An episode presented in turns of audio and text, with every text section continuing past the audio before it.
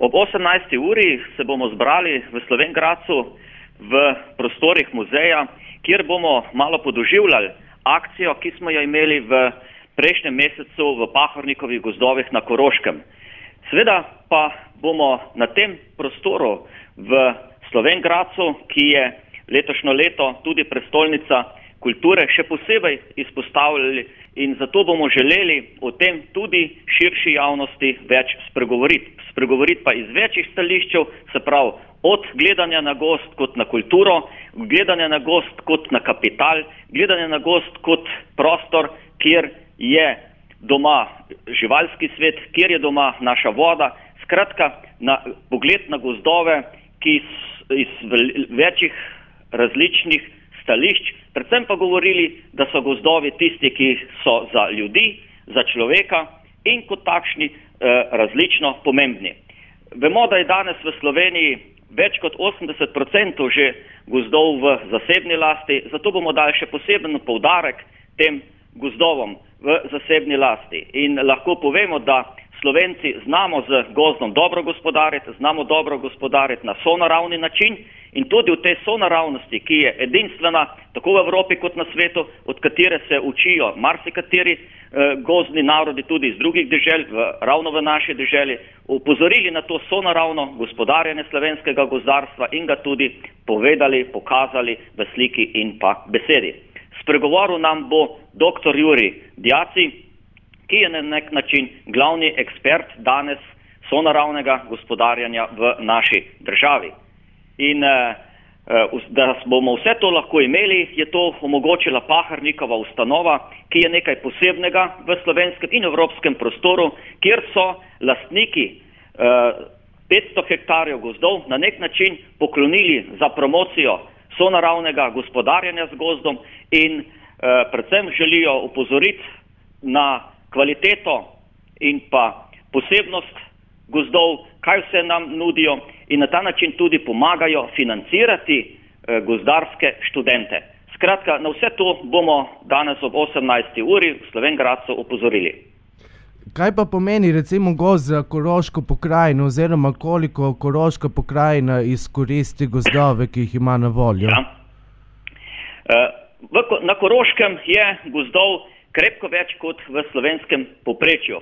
In za korošca, koroškega kmeta, koroškega lasnika gozdov je nedvomno gost še pa nekaj posebnega, kar zakaj tako? Predvsem zaradi tega, kaj ti lasniki gozdov na koroškem imajo gozda po 10, 30, 100 in tudi nekateri še več hektarjev. Se pravi, da so od gozda tudi drugače odvisni.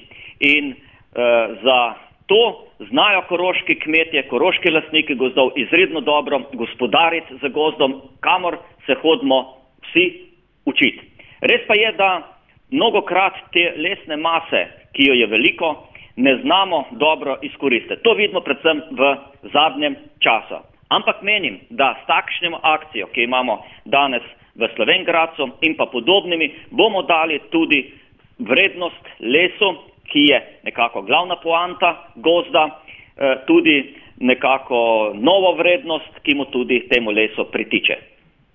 Pa se vam zdi to dobro, da je večina gozdov, dejali ste 80 odstotkov v zasebni lasti? Jaz sem slišal neke govorice, da zdaj, ko sta zvon ena, pa ja. dva tok zadolžena, da naj se pač RKC oduzame gozdove, pa, pa se jih da v državno last. To bi bilo super, če bi bilo res. uh, Poglejte, eh, mi smo edinstvena država v Evropi, da ima toliko javnih površin, toliko gozdov v zasebni lasti. Mislim, da bi bilo mnogo bolj prav, da imamo več gozdov v javni, v javni lasti, kajti potem na nek način lažje gospodarimo z vsemi tremi stebri trajnostnega gospodarjanja. E, kajti, ampak lahko povemo nekaj, da slovenski lasnik gozda zna celostno razmišljati. Kaj to pomeni? To pomeni, da smo tudi ena edinstvenih držav v Evropi, poleg skandinavskih, ki dovoljujemo vsakomor prost vstop, prost sprehod po svojem gozdu. Se pravi, na nek način imajo lastniki že sedaj zelo omejene pravice nad svojo lastnino, zato pa država poskuša z ostalimi, ostalimi drugimi momenti, z subvencijami, z javno gozdarsko službo nekako to, kar lastniki gozdov dovoljujejo, tudi jim na nek drug način nuditi neke druge usluge. Tole bi še vprašal, verjetno, ko ste omenili eh, lesno maso, verjetno se tudi iz Koroške večinoma izvaža v Avstrijo ta material. Ja, pogledajte, prvič, večina lesa, to, kar se danes tendenciozno govori, da se tako veliko izvaža, temu ni čisto tako. Po statističnih in tistih podatkih, ki jih beleži naša država, se eh, izvaža v Eh, druge države manj kot milijon kubikov lesa. In eh, konec koncev v Evropi je prost pretok, a ne? In zares moramo znati dodati vrednost hlodo doma. E, to jaz verjamem, da je danes lesna industrija v naši državi na podnu in ko smo enkrat na podnu, bomo z novimi idejami, ki jih tudi danes počasi imamo, imamo kvalitetne ideje in jaz verjamem, da bomo v bodočih, v bodočih letih lesno industrijo zopet, to predelovalno industrijo, lesno industrijo zopet našli na tistem mestu, ki nedvomno pritiče. Še recimo eh, pred časom smo imeli v gozdarstvu, lesarstvo zaposlenih čez 70 tisoč ljudi, zares, danes okoli 12. Ja, ampak mislim, da temi novimi zamahi, ki se le počasi kažejo na slovenskem obzorju, bomo počasi znali zaposliti tudi teh dodatna delovna mesta, našli okoli 30 tisoč. Katere pa so te nove ideje, ki bi lahko prodrli, recimo, pa izboljšali lesno industrijo pri nas? Prvič, da bomo dosledno začeli spoštovati to, kar je že vlada sprejela in sicer zelena naročila. To je en prvih pogoj. Potem, da, bodo, da bomo v javne stavbe in tako naprej, začeli jih le ogrevati na lesno biomaso.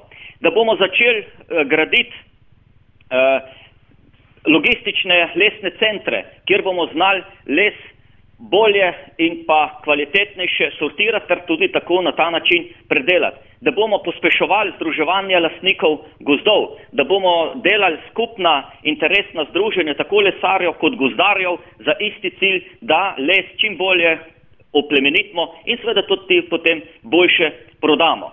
Skratka, eh, ukrepov imamo veliko in eh, novih idej in jaz verjamem, da bodo ponovno sklila.